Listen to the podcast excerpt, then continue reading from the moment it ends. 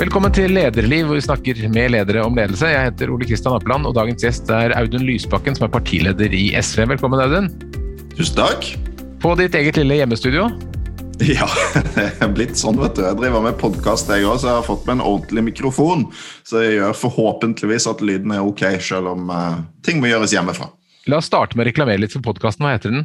Lahlum og Lysbakken heter den. Jeg har, vi, jeg har den fantastiske gleden av å ha unikumet Hans Olav Lahlum i partiet vårt. og han er jo eh, for gøy og for kunnskapsrik til ikke å ha på en podkast, så jeg har eh, da eh, drevet podkast med han noen år. Eh, og det gjør at det liksom vi, Det er vanskelig for partier å få til det der med podkast, men vi har fått det til fordi eh, han er jo rett og slett bare veldig morsom å høre på. Så jeg har da gleden av å prate med han hver uke om eh, ting som har skjedd, og så får vi gjester på besøk. Altså Med én bergenser og Lahlum, da har du liksom nok til å fylle tida med, tenker jeg? Vi har det, så vi må være ganske strenge med oss sjøl på, på, tidsbegrensning, så det ikke tar helt av. Mm. Du, Alle kjenner jo deg som SV-leder, du har vært leder i ja, snart ti år, i hvert fall ni. Um, jeg har lyst til å starte litt i, i, i, begynnelsen. Du er jo vokst opp da i Bergen på 80-tallet. Fortell, hvordan så den oppveksten ut? Altså, jeg, jeg, jeg, er et ordentlig brosteinsbarn. Jeg er vokst opp midt i Bergen sentrum, i et lite smug. Eh, Brattlandsmau heter det. Det er så lite at selv de fleste bergensere ikke vet hvor det er. Eh, men det ligger da, for de som er kjent, i nærheten av Dragefjellet universitetsområde i, eh, i eh, sentrum. Og jeg gikk på skole på Møhlenpris, som kanskje litt flere, litt flere kjenner. Litt større bydel. Um, og uh, hadde foreldre som uh, De drev et lite teater, så de var sånn teknisk sett selvstendig næringsdrivende. Um, ja, uh, og så jeg er, jeg er, på en måte fra det aller tjukkeste Bergen og vokst opp midt i byen. Mm. Var det i dette teateret at du fikk interessen for å bli en folketaler og en leder? Nei, jeg vet ikke, men jeg har Altså, det er jo, det er jo det der, sånn, Hvorfor blir du som du blir, er jo er veldig vanskelig å svare på, syns jeg. Men, men, jeg har jo eh, men jeg har møtt noen som, eh, eh, som har sagt at når de har sett meg i debatter, så har de, har de minnet de om min far eller min mor på scenen. Så det kan jo hende det er en eller annen sånn, en eller annen sånn kobling. Det er en form for teater, det òg, vil noen hevde. Politikken, ikke sant? På mange men, måter, ja. ja.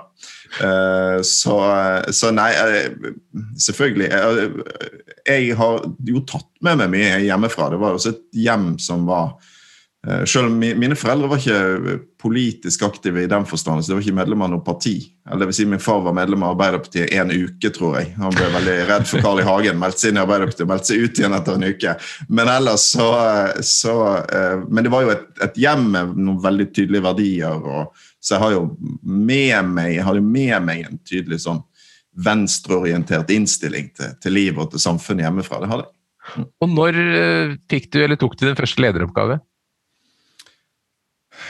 Ja, Var du lederen i, i, blant, i, holdt på å si, i uh, buekorpset eller noe annet? Jeg var med i buekorpset, men jeg var absolutt ikke leder. Eh, jeg, eh, jeg, kom ikke så veldig langt i buekorpset, egentlig. Eh, men jeg Nei, jeg tror, jeg tror, egentlig at jeg var Det var ikke før jeg gikk på videregående. Da var jeg leder for, for Operasjon Dagsverk på skolen. Mm, det tror jeg var første, egentlig. Og det er ganske bra de har. Det, det er mange som har fått sine første ledergjerninger. Erna var jo, har til og med vært sånn riksleder for Operasjon Dagsverk. Det er riktig. Nei, jeg, var, jeg, var, leder for OD to år på rad, tror jeg, på uh, ærverdige Bergen Handelsgym. Fins ikke lenger, men det var da uh, det var skolen jeg gikk på, på uh, veldig sånn fin, gammel skole uh, oppe i Kalfarveien. Uh, og der hadde vi da uh, Det var litt sånn konkurranse, for det var en skole som var sammensatt dels av elever fra, uh, fra Kalfaret og ja, den delen av byen Erna er vokst opp i. Litt, litt mer velbemidlede strøk, som det heter. Og så var det en del av oss som var fra resten av byen. og det gjorde at det var litt sånn konkurranse om ting. Det var EU-kamp på de årene. og da I foajeen inne på skolen så, det, så hadde ja-siden én side og nei-siden hadde én side. Og så var det òg sånn at Skolen hadde en innsamlingsaksjon som het uh, Hjelp til jul, tror jeg. Som uh, var bra, men som var innsamling til, til um, ulike gode formål i Bergen. Og så var det Operasjon Dagsverk. Og det var litt konkurranse da, mellom det var litt ulike folk som ville ha de ulike tingene. Så vi endte opp med å gjøre begge deler. Så det var travelt for elevene på, på, BHG. Men jeg var da leder for OD ja, to år på rad. Mm. Og hvilke ledererfaringer hva lærte du av den jobben? Jeg lærte vel en hel del. Jeg husker at vi vi ble nok litt for ivrige etter å spre det gode budskap, så vi lagde et program for for det var jo sånn på Operasjon Dagsverk, Du skal jo ikke gjøre jobben, men du skal også ha en dag hvor du lærer om temaet og sånn. Og vi kjørte på med et fryktelig langt program sånn som vi husker det, med time etter time som eh, holdt på tror jeg, å ta livet av medelevene våre. Så jeg, jeg lærte meg i hvert fall at du skal, du skal være eh, litt forsiktig med å bare dure på med det du sjøl syns er interessant, og regne med at alle andre syns det òg. Det tror jeg er en ganske viktig lærdom. Men så ble det Sosialistisk Ungdom?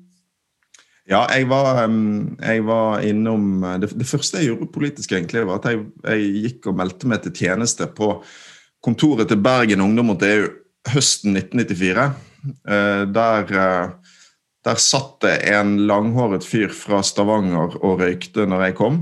Eh, Aslak Sira Myhre het han.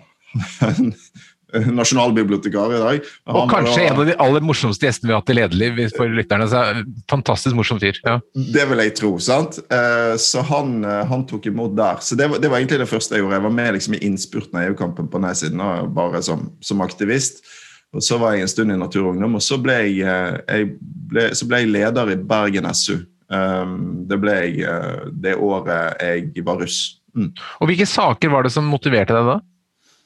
Jeg, jeg, tror det var det at eh, da, eh, vi var veldig eh, altså, Dette var de første årene hvor liksom miljøet virkelig begynte å bli en stor sak. Uh, og var, Det var et ganske sånn stort, radikalt ungdomsmiljø i Bergen på den tiden. Uh, Bl.a. rundt Natur og Ungdom. Og det var noen sånne store uh, utbyggingssaker i Bergen sentrum. Blant annet liksom i mitt område da, nede på Møhlenpris, der man skulle bygge en ny bro over Puddefjorden og rive masse boliger jeg, jeg, tror jo, og Det var jo tragisk. Altså, det var boligmangel i, i sentrale strøk i Bergen. Så vi eh, var en haug med ungdommer som prøvde å stoppe det. Vi gikk rett og slett inn og, og, prøvde å stoppe. og ble Arrestert og slept bort og, og, og allting. Så, eh, så det, var, eh, det, var, nok litt utgangspunktet. Men så kom jeg inn i SU og SV fordi jeg, jeg og var veldig opptatt av ting som ikke hadde med miljø å gjøre. Jeg var veldig opptatt av eh, det jeg er opptatt av ennå, egentlig. Særlig knyttet til rettferdig fordeling og, og, og, og den type spørsmål. Så jeg, jeg, følte veldig sånn, jeg følte at jeg, det var på venstresiden jeg hørte til at jeg hadde lyst til å engasjere meg der. Mm. Eh, det er jo flere som har vært i lederliv som trekker frem ungdomspolitikk som veldig bra lederopplæring. og Det er åpenbart at uh, ungdomspartiene betyr mye for de som er med, men betyr også ungdomspartiene mye for partiene? altså Sånn som for, for dere i SV i dag, betyr ungdomspartiene mye? Betyr enormt mye. Altså, for det første så har de jo en, en veldig sånn reell funksjon i um, ja, F.eks. den valgkampen vi skal inn i nå. Sant? Så er det jo ungdommene som drar ut på skolene og, og tar alle det, Den tøffeste øvelsen i norsk politikk, nemlig å dra på skolevalgsdebatt. Eh, det, så det er jo, og det vet vi har noe å si for valgresultatet. Eh, det er jo Alle eh, politikere vet det. Altså, den dagen skolevalgsresultatet kommer, så følger du veldig godt med. For det er en veldig pekepinn på hvordan det kommer til å gå i valget. Men i tillegg er det jo ingen tvil om at hvis du ser på, det, det, det gjelder SV, det gjelder òg de fleste andre partier. så vil du se at det er veldig mange sentrale tillitsvalgte som har bakgrunn i SU. Mm. Eh, fordi eh, det er eh, nettopp et sted hvor mange, det gjelder i hvert fall for meg, har fått med seg veldig mye grunnleggende organisasjonskunnskap, rett og slett. og, og, og selv om politikk ikke er et fag, ikke skal være det, så er det jo likevel på et vis et håndverk som må, mm. må læres. Mm. Men når du kom inn der, Var det da et, et ordentlig utdanningsopplegg med, hvor du lærte design, eller er det bare sånn man prøver seg frem og ser hvordan det går?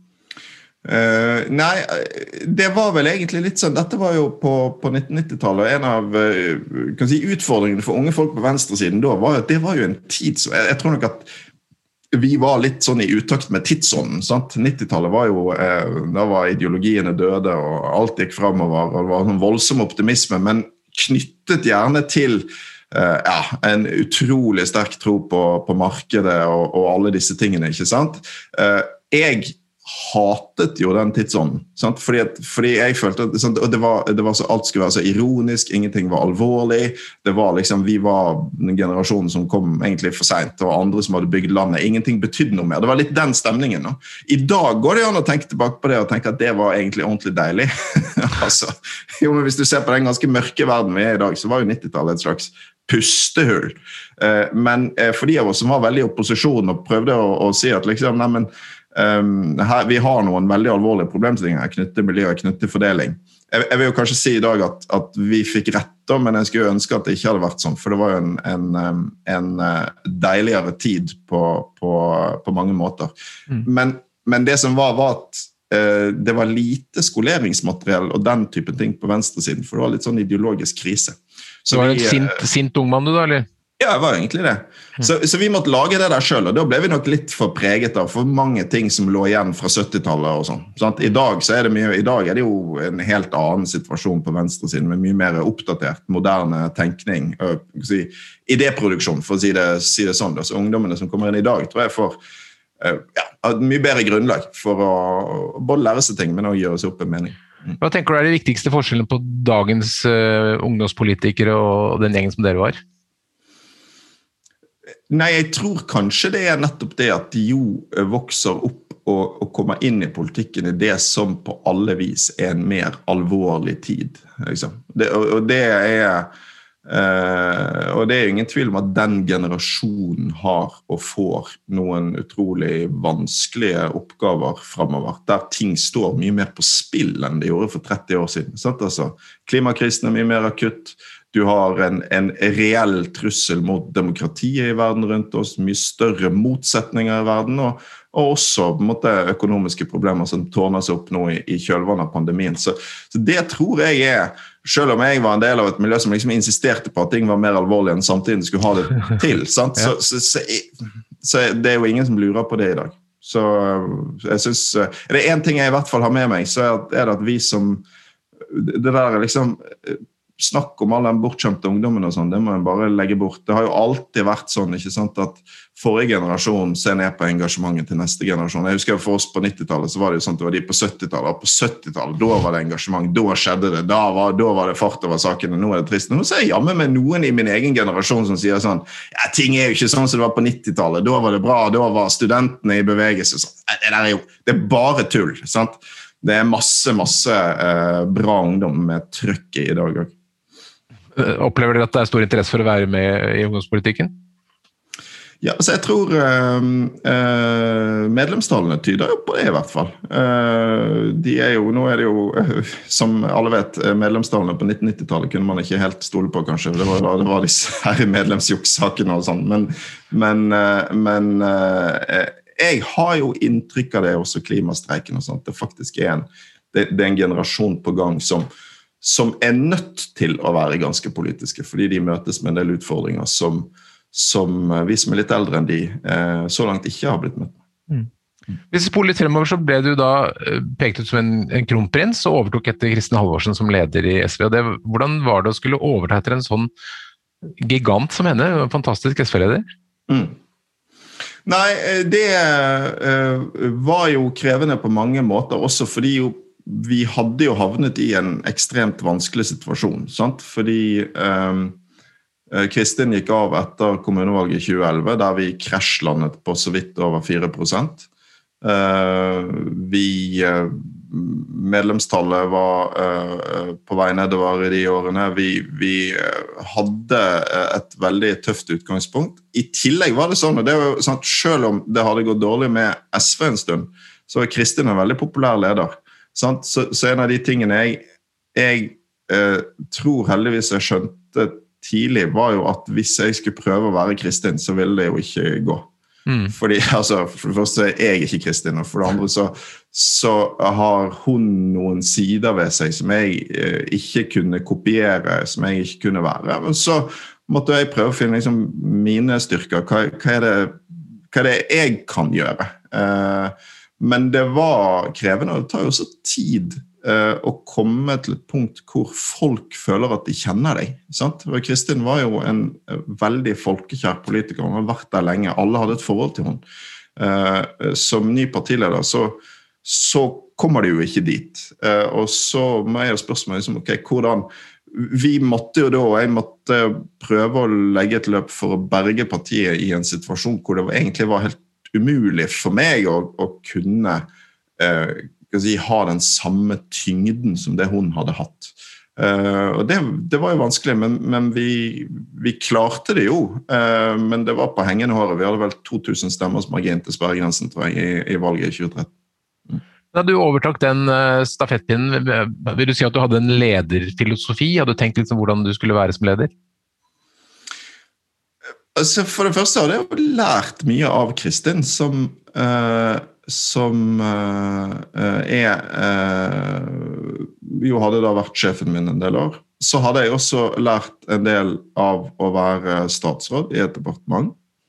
Men det er klart at politikken har jo det ved seg ikke sant? at når du blir politisk leder, så blir du jo egentlig ikke nødvendigvis det fordi du er god til å lede. Du blir det fordi medlemmene i partiet stoler på deg politisk, fordi du, de mener du er god til å fronte det politiske budskapet. Eh, og det gjør jo at eh, i, i politikken så vil det jo i motsetning til i store deler av organisasjonslivet, næringslivet, så, så, så, er det jo en utfordring ofte med god ledelse. For det er ikke nødvendigvis sånn at de som er ledere, er valgt fordi de kan om det. Jeg har ingen lederutdanning. Så, så det er også noe jeg har brukt mye tid på å tenke på underveis. Altså, hva mener jeg egentlig er er, er, god ledelse. Så er nok også et parti noe veldig annet å lede enn en, en bedrift, f.eks. Et parti er jo et demokrati, eh, hvor, hvor, eh, ledelsens oppgave jo òg eh, ikke bare er eh, du skal gå foran, men du skal ikke gå for langt foran heller. fordi du skal jo eh, gjøre det medlemsdemokratiet bestemmer at du skal gjøre.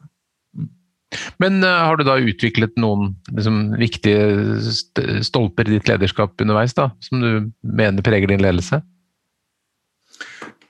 Ja, altså jeg, jeg, det er jo alltid farlig å si hva som preger ens egen ledelse, for det er jo ikke sikkert de som uh, jobber under den, har samme opplevelse som deg sjøl. Så, så Du kan jo si hva du vil skal prege det, i hvert fall. ja, nettopp. Det, jo, men, det det, så, men du må ha noen mål. Hva er det du streber etter at uh, du skal klare å få til. Uh, det ene jeg er veldig opptatt av, er at vi skal klare å jobbe langsiktig og planmessig. Altså at vi skal ha en strategi som parti og som organisasjon. Fordi, uh, og det tror jeg kanskje særlig gjelder i politikken, så er det veldig lett at alle beslutninger tas ut fra dagens begivenheter. Du blir veldig fanget av det som skjer i dag ikke sant? Vi har morgenmøte hver morgen, jeg og ledelsen min, der vi ser på dagens mediebilde. Sant? Og Hvis det er det eneste vi klarer å styre etter, så blir det over tid ganske tilfeldig hvor vi går. Det er helt nødvendig å gjøre det, fordi vi må sørge for at SV sin stemme høres i de debattene som går i dag. Men vi må òg ha andre prosesser som gjør at vi greier å utvikle oss eh, eh, mot det vi vil være på litt sikt.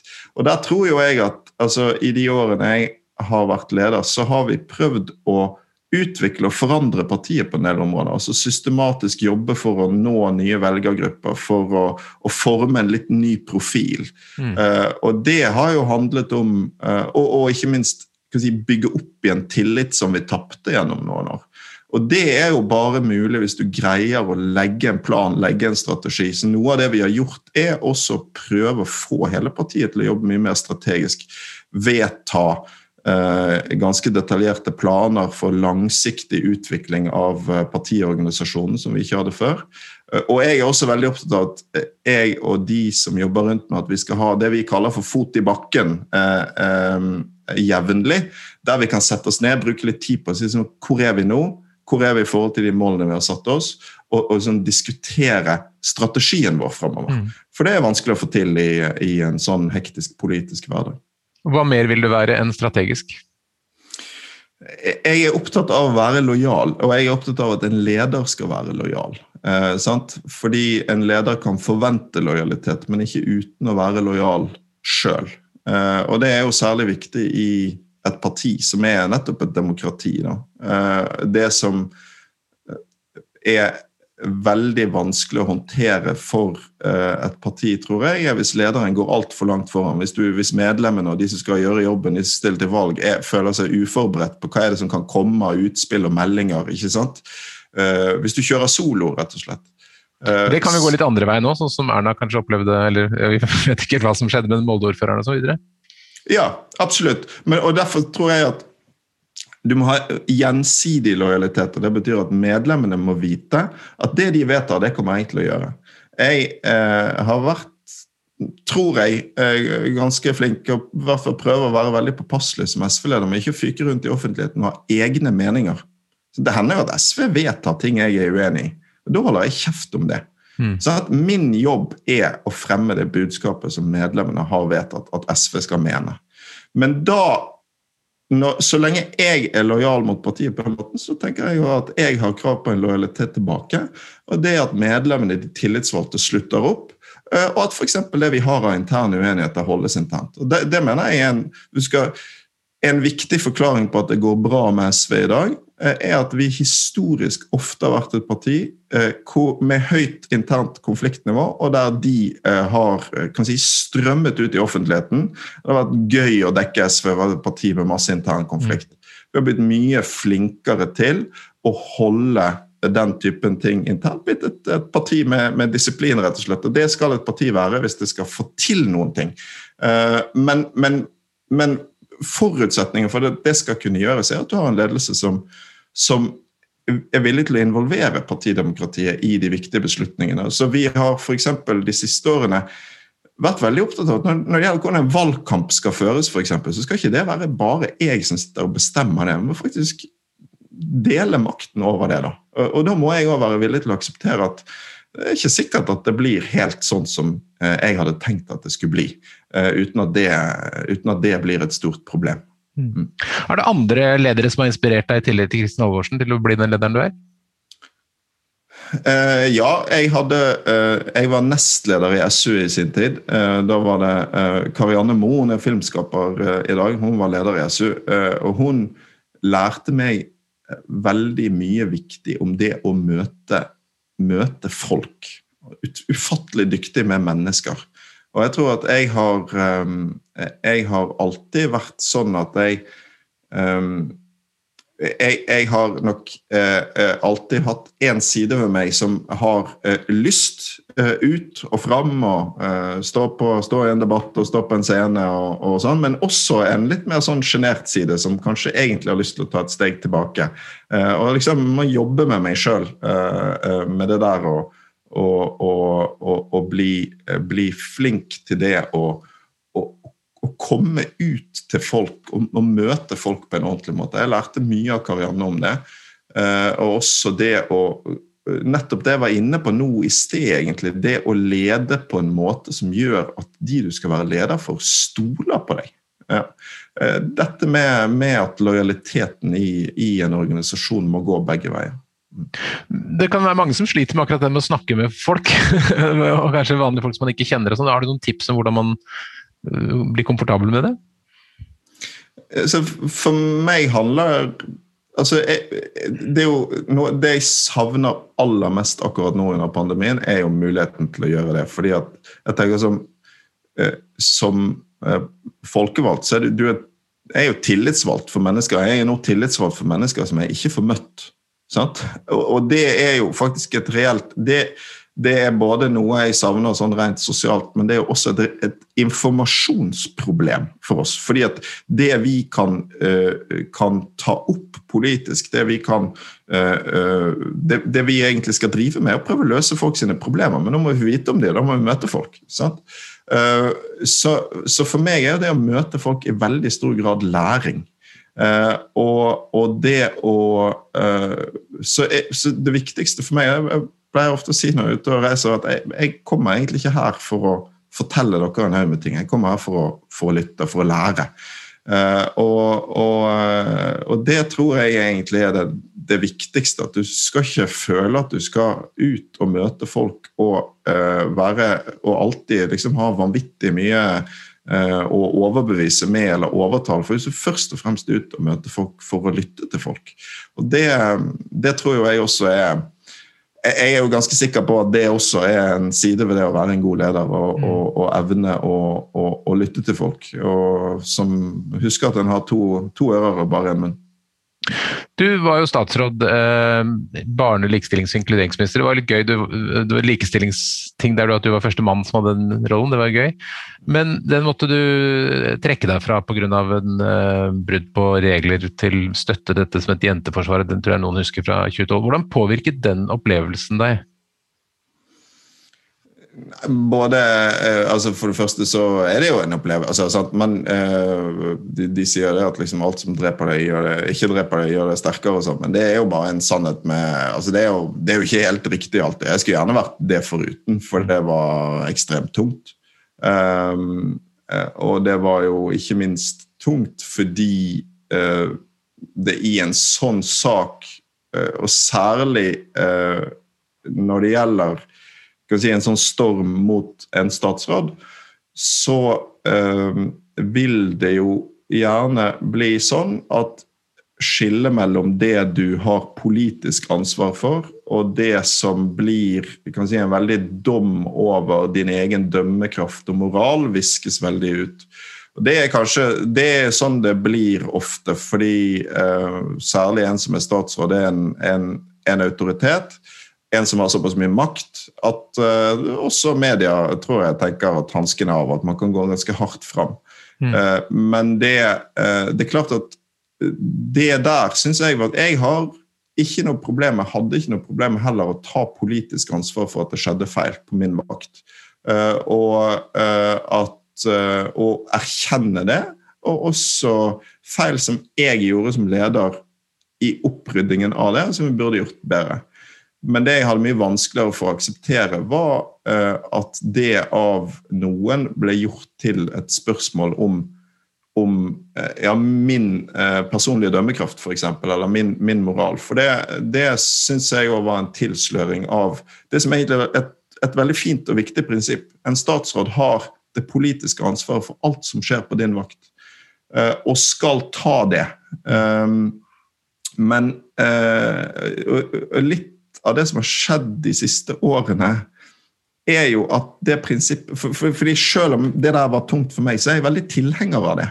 For jeg tror at folk bør se at feil får konsekvenser også for de som har mye makt. Og Derfor er jeg egentlig ganske kritisk til at de siste årene så har det prinsippet nesten forsvunnet i norsk politikk. Altså det, det er en av de tingene jeg mener er et problem ved Erna Solberg sin måte å, løse, å lede regjering på, er at hun, hun har nærmest gjort det til et prinsipp at uh, uansett hvor store saker er, så skal det ikke få den type konsekvenser. Sånn at Vi har ikke lenger i Norge et tydelig prinsipp om at eh, skjer det alvorlige feil, så skal noen ta ansvaret for det eh, ved å, å, å, gå, sånn som var vanlig før. Eh, når f.eks. Nav-skandalen ikke fikk den konsekvensen, så, så, er det jo egentlig ingenting som får det lenger, tenker jeg. Tror du det svekker tilliten til politikere? Jeg tror i hvert fall at, at det å og embetsverk, på og seg. Ja. ja, jeg er jo redd for det. og Jeg tror jo i hvert fall det å vise at du er villig til å ta det ansvaret Eh, eh, at du eh, tar det politiske ansvaret og viser at det også får konsekvenser for noen på toppen. Det tror jeg i hvert fall oppfattes som riktig av folk. Og, det, og som rettferdig. Og uten at jeg skal liksom gå inn igjen i den saken som jeg hadde ansvar for, så vil jeg jo si sånn det var en veldig mye mindre sak enn en del store saker som ikke har fått den type konsekvens de siste årene. Og jeg jeg, jeg mener at det, det, må være riktig at du som politisk leder tar ansvaret for feil som skjer, eh, også ved å gå av. Så må det også være sånn at du kan komme tilbake igjen, nettopp fordi det, det å ta politisk ansvar er og, og, Derfor burde ikke kan si, eh, det være umulig å gjøre det, sånn som, det, sånn som jeg føler det har blitt nå de siste årene. Mm. Hva tenker du om pressens håndtering av sånne saker? Da? Det var røft å stå i det, var det ikke det? Jo. Uh, du hadde jo selv bakgrunn som journalist, og du så vel sikkert deres side, men det var likevel artig ubehagelig? Ja, men du kan si at jeg mener nok at um, det, det, det, er det jo. Ekstremt ubehagelig, sant? Uh, og jeg tror det er viktig at uh, redaksjonene har det med seg. Samtidig så er det umulig på en måte å, uh, å gjøre det til et stort samfunnsproblem at redaksjonene går etter folk med makt. Det vil være et større samfunnsproblem om de ikke gjorde det. Så jeg har på en måte uh, aldri som, jeg, jeg, tenker ikke at det er Det er vel ikke hovedproblemet i, i, i, norsk politikk i dag. Det kan tvert imot altså Vi ville betale mye høyere pris hvis vi ikke hadde en presse som, som turte å gjøre det. Men Var det en opplevelse som har endret deg på noen måte? Um, altså, jeg er jo uh, helt sikkert Altså, jeg er Uh, jo, jeg, jeg lærte mye av det. Det gjorde jeg. Uh, og, derfor, og jeg er veldig opptatt av å unngå feil. Og, og, det kan sikkert det, I hovedsak tror jeg det er bra. Noen ganger kan det sikkert også gjøre at en kan bli for forsiktig. Men, men ja, jeg lærte mye av det. Men kan det være et problem at uh, hvis alle politikere skal være feilfrie, at man ekskluderer en del fra politisk deltakelse hvis man har gjort et eller annet gærent tidlig i livet sitt? Ja, men Bare hvis uh, det ikke finnes noe rom for uh, å gå videre. Ikke sant? Jeg, for, for, jeg tror det at, og, det gjelder jo særlig Nå er vi litt over en annen type saker, som er sånn derre Folk som har gjort noe feil personlig og sånn, så syns jo jeg at på den ene siden så må en jo erkjenne eh, at hvis en har makt til å endre lover, eh, så blir en målt på en annen måte enn andre folk blir, og det tenker jeg må være greit. Men på den andre siden så eh, er jo jeg òg redd for en sånn her millimeter eh, eh, Altså, jeg, jeg, kan Demokratiet skal være, og er heldigvis fortsatt, eh, sammensatt av vanlige folk, som dermed også lever langt fra perfekte liv. Og det må det være rom for. Jeg tenker å sette i ettertid f.eks. denne stabbursaken til Oslohaga, Ikke sant? Altså, det er jo eh, at, at, det endte med, med, med, avgang, ikke sant? det sier noe om, om da, ja, da er ikke det stort rom for å gjøre feil eh, i, i, i, privatlivet. Altså. La oss flytte oss til, til nåtid og, og, valgkampen som vi er inne i. Hvordan skal dere klare å lage en god valgkamp i pandemien? Det er vi jo veldig spent på. Eh, eh, og vi vet jo eh, ikke hvordan det blir ennå. og Derfor så må vi på en måte planlegge to valgkamper. Vi må planlegge en som er sånn litt mer som normalt, og så må vi planlegge for at du kan få en valgkamp som, som der du omtrent ikke kan møte folk fysisk i det hele tatt. Så det første vi gjør nå, er å planlegge for å ha et digitalt landsmøte, som SV skal ha i slutten av april det er jo òg noe vi aldri har gjort før. Uh, uh, og jeg syns jo det er veldig trist, fordi det er jo vanligvis nettopp den aller viktigste arenaen vi har for det jeg beskrev i sted, at vanlige medlemmer skal kunne liksom ha makt over det vi skal gjøre i valgkampen, være med og bestemme, men også for liksom å møtes og samle styrke i hverandre. ikke sant? Så Det kommer jeg til å savne. Men så er vi veldig bestemt på at vi skal lage et skikkelig landsmøte. Det skal bli et ordentlig demokratisk verksted likevel. Eh, og så er jeg veldig spent på hvordan det blir, for det blir annerledes. En av de tingene vi selvfølgelig er nødt til å gjøre eh, i eh, en valgkamp som blir sånn som dette, er å legge en helt annen vekt på det å nå fram til folk digitalt. Sant? Så det er klart vi bruker mye mer ressurser på det. Eh, sosiale medier, andre måter å kommunisere direkte med folk digitalt på. Sånn, vi ville sikkert brukt mer ressurser på det enn før uansett, for det blir uansett viktigere og viktigere. Men vi risikerer jo at det blir hovedarenaen i valgkampen. og det En ting jeg syns er utrolig synd med det, er jo at um, du har egentlig sett en utvikling de siste, siste tiåret tilbake mot en mer sånn grasrotdrevet valgkamp. Fordi um, sånn de, Når Kristin var leder i SV, for eksempel, så, så var det jo sånn at vi, hvis Kristin gjorde en god TV-debatt på NRK, så visste vi at liksom det, det, ville bety enormt mye for oss i valget. Det er jo fortsatt mange som ser på de TV-debattene, og sånn, men, men, det er ikke like viktig som før. Fordi mediebildet er så mye mer fragmentert. Og Det det har gjort, er å skape en renessanse for godt gammelt organisasjonsarbeid. Altså Det å ha tusenvis av medlemmer som snakker med sine venner, som snakker med sine naboer, eh, kolleger osv., det er plutselig blitt altså, ufattelig viktig igjen. Og det syns jeg er kjempebra.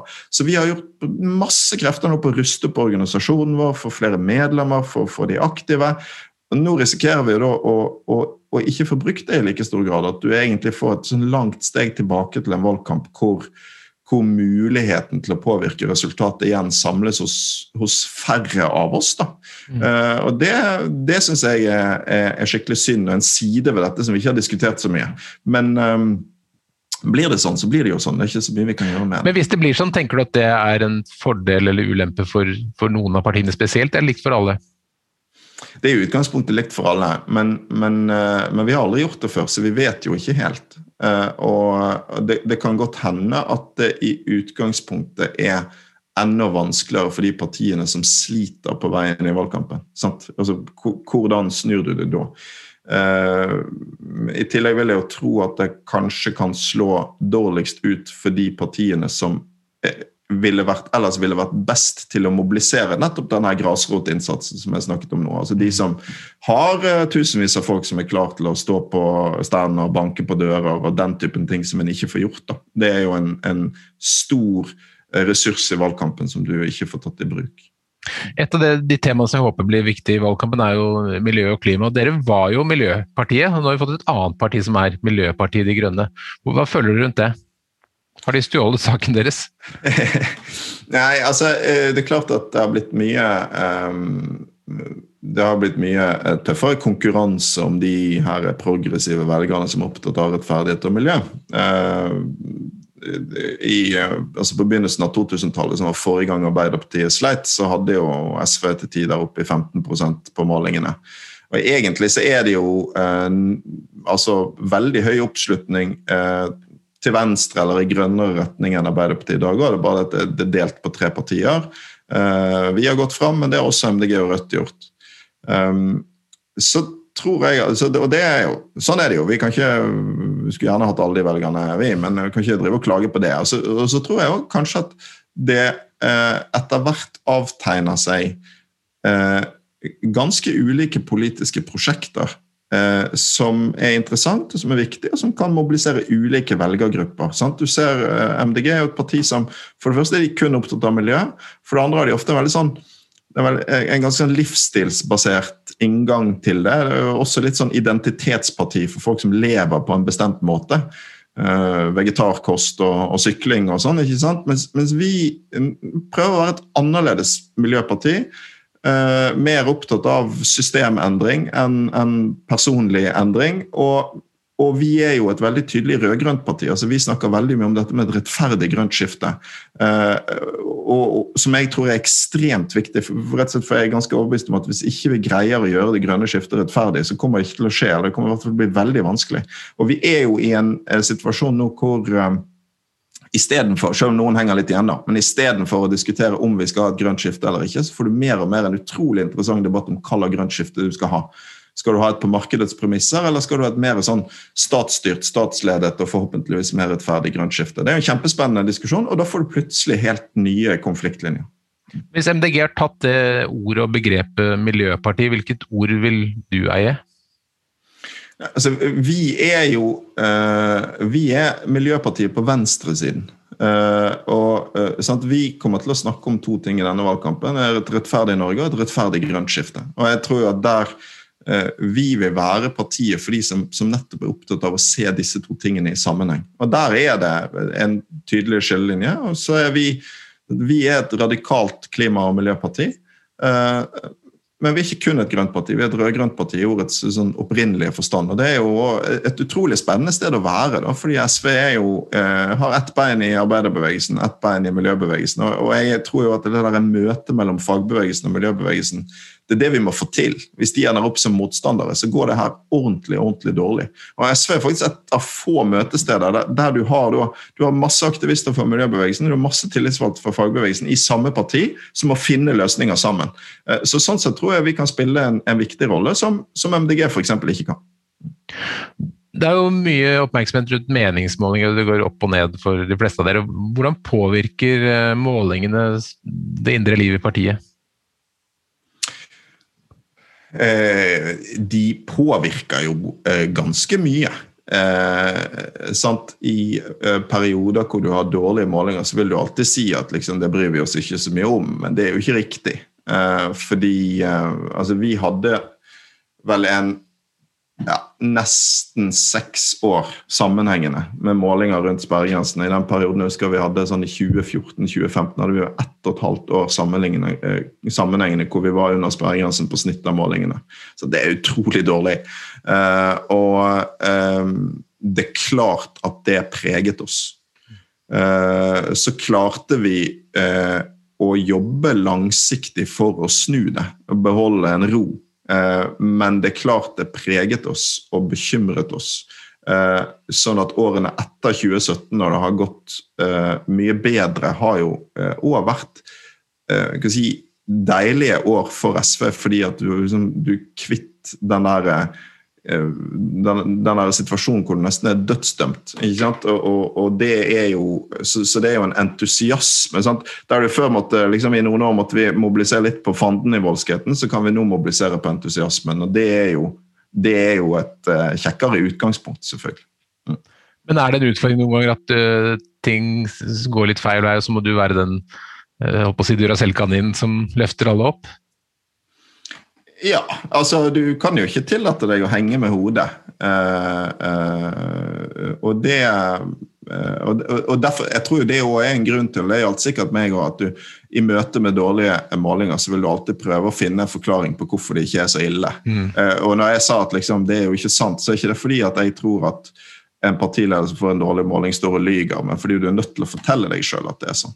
Altså Du er nødt til og det er jobbene, du er nødt til å finne de tingene som peker mot det, men dette kan vi faktisk klare. Eh, og det er jo bare ved å leite etter det, finne det, holde fast i det, at det er mulig å snu det. Sånn, at en partileder som Du, du får alltid spørsmål eh, når du sliter eh, av eh, media, f.eks.: Hvorfor går det så dårlig med SV? Men hvis du begynner å svare på det, så er du ille ute å kjøre. fordi et parti som står og forklarer hvorfor det sjøl er ræva, det er ferdig. Sant? Sånn at eh, sånn Partileder i den situasjonen får ofte masse kritikk for at du ikke svarer på de spørsmålene, men selvfølgelig kan du ikke svare på de spørsmålene, for hvis du begynner å tro på det sjøl, hvis du begynner å si forklare, ja, vi er skikkelig dårlige fordi de og de har ikke tillit til oss, og vi sliter med det og det, da kan du bare stenge. altså. Du er nødt til å finne det motsatte, nemlig de lyspunktene som gjør at, at, at du tror på at dette kan du snu. For Hvis ikke du tror på det, så kan du jo ikke være sjef.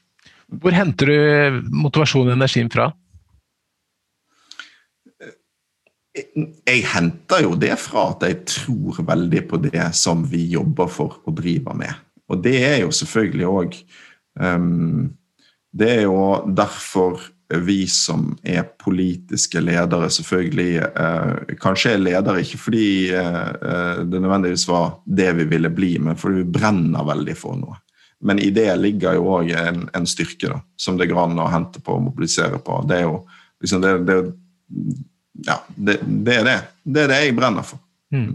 Hva tenker du er de største dilemmaene ved å lede et parti? Hva er de største utfordringene?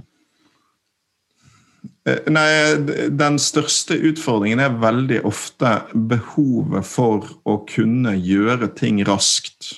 Komme med nye utspill. Um, sette dagsorden med overraskende ting, samtidig som du skal være leder for et reelt demokrati hvor uh, i vårt tilfelle da 15 000 medlemmer skal føle at de har innflytelse og være med å bestemme, og ikke bli veldig overrasket over det du sier. Mm. Det er jo det viktigste dilemmaet, fordi du kan både trå feil ved å uh, gjøre ting som ikke er godt nok forankret, og du kan trå feil ved å forankre så lenge at uh, du mistet muligheten til å sette dagsorden på en måte som kunne vært bra for partiet og, for den saken du er opptatt av. Det var en tidligere gjest som brukte metaforen at uh, man skulle være den offiseren som gikk foran soldaten, men du skulle ikke gå så langt foran at du ble skutt i ryggen. Det er også en, hvis, hvis, det kommer en ung person til deg og, og vil bli leder, sånn som deg, hvilke tre lederråd vil du gi? Hvordan blir man en god leder?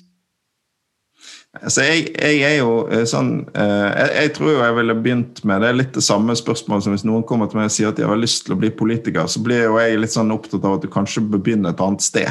Altså uh, med sånn hva er, det egentlig, hva er det egentlig du brenner for? Hva er det du vil? Fordi jeg tror jo at uh, det bør helst være eh, det du skal lede for å oppnå, som er motivasjonen, og ikke ledelsen i seg sjøl. Tror jo jeg, da. Selv om det jeg å finne, finne viljen, saken. Ja, eh, fordi du, du er forhåpentligvis leder fordi du ønsker å oppnå noe som betyr noe for deg. Eh, så jeg vil være opptatt av å, av å, av å begynne der. Men så vil jeg si, eh, hvert fall det som, det som er, er viktig for meg, er dette med å, å, å ha en plan. Ikke bli, å ha en plan som går utover hver dag, ikke bli fanget av den enkelte dagen. Og så tror jeg jo, dette er jo det er mange som sier, men det er ekstremt vanskelig å gjøre i praksis, at det er det å greie å um, ikke detaljstyre, men, men klare å liksom styre uh, Klare å være litt der oppe i de lange linjene istedenfor nede i detaljene. Eller i hvert fall ha et veldig bevisst forhold til hvilke detaljer du som leder trenger å mene noe om, uh, og hvilke du kan uh, la andre ta seg av. Så tenkte jeg helt til slutt du kunne få vise litt raushet med å gi råd, et, et godt råd til en person som går på som partileder ganske snart. Sylvi Listhaug, hva ville du råde henne til for at hun skal lykkes med Frp? Ja, at hun må være seg sjøl og ikke prøve å være Siv Jensen. Men det føler jeg meg ganske trygg på at hun kommer til å gjøre. Bra. Det blir spennende å se. Jeg håper at dere får en eh, bra valgkamp, og tusen takk for at du kom til Lederliv. Takk skal du ha. Lederliv er en podkast fra kommunikasjonsbyrået Apeland. Vi legger ut nye episoder hver fredag. Redaksjonen består av Ellen Paulsen, Lars Jarle Melum, Lars Volden og meg, som heter Ole Kristian Apeland. Send e-post til tips eller rett til meg på oleatapeland.no. Takk skal du ha.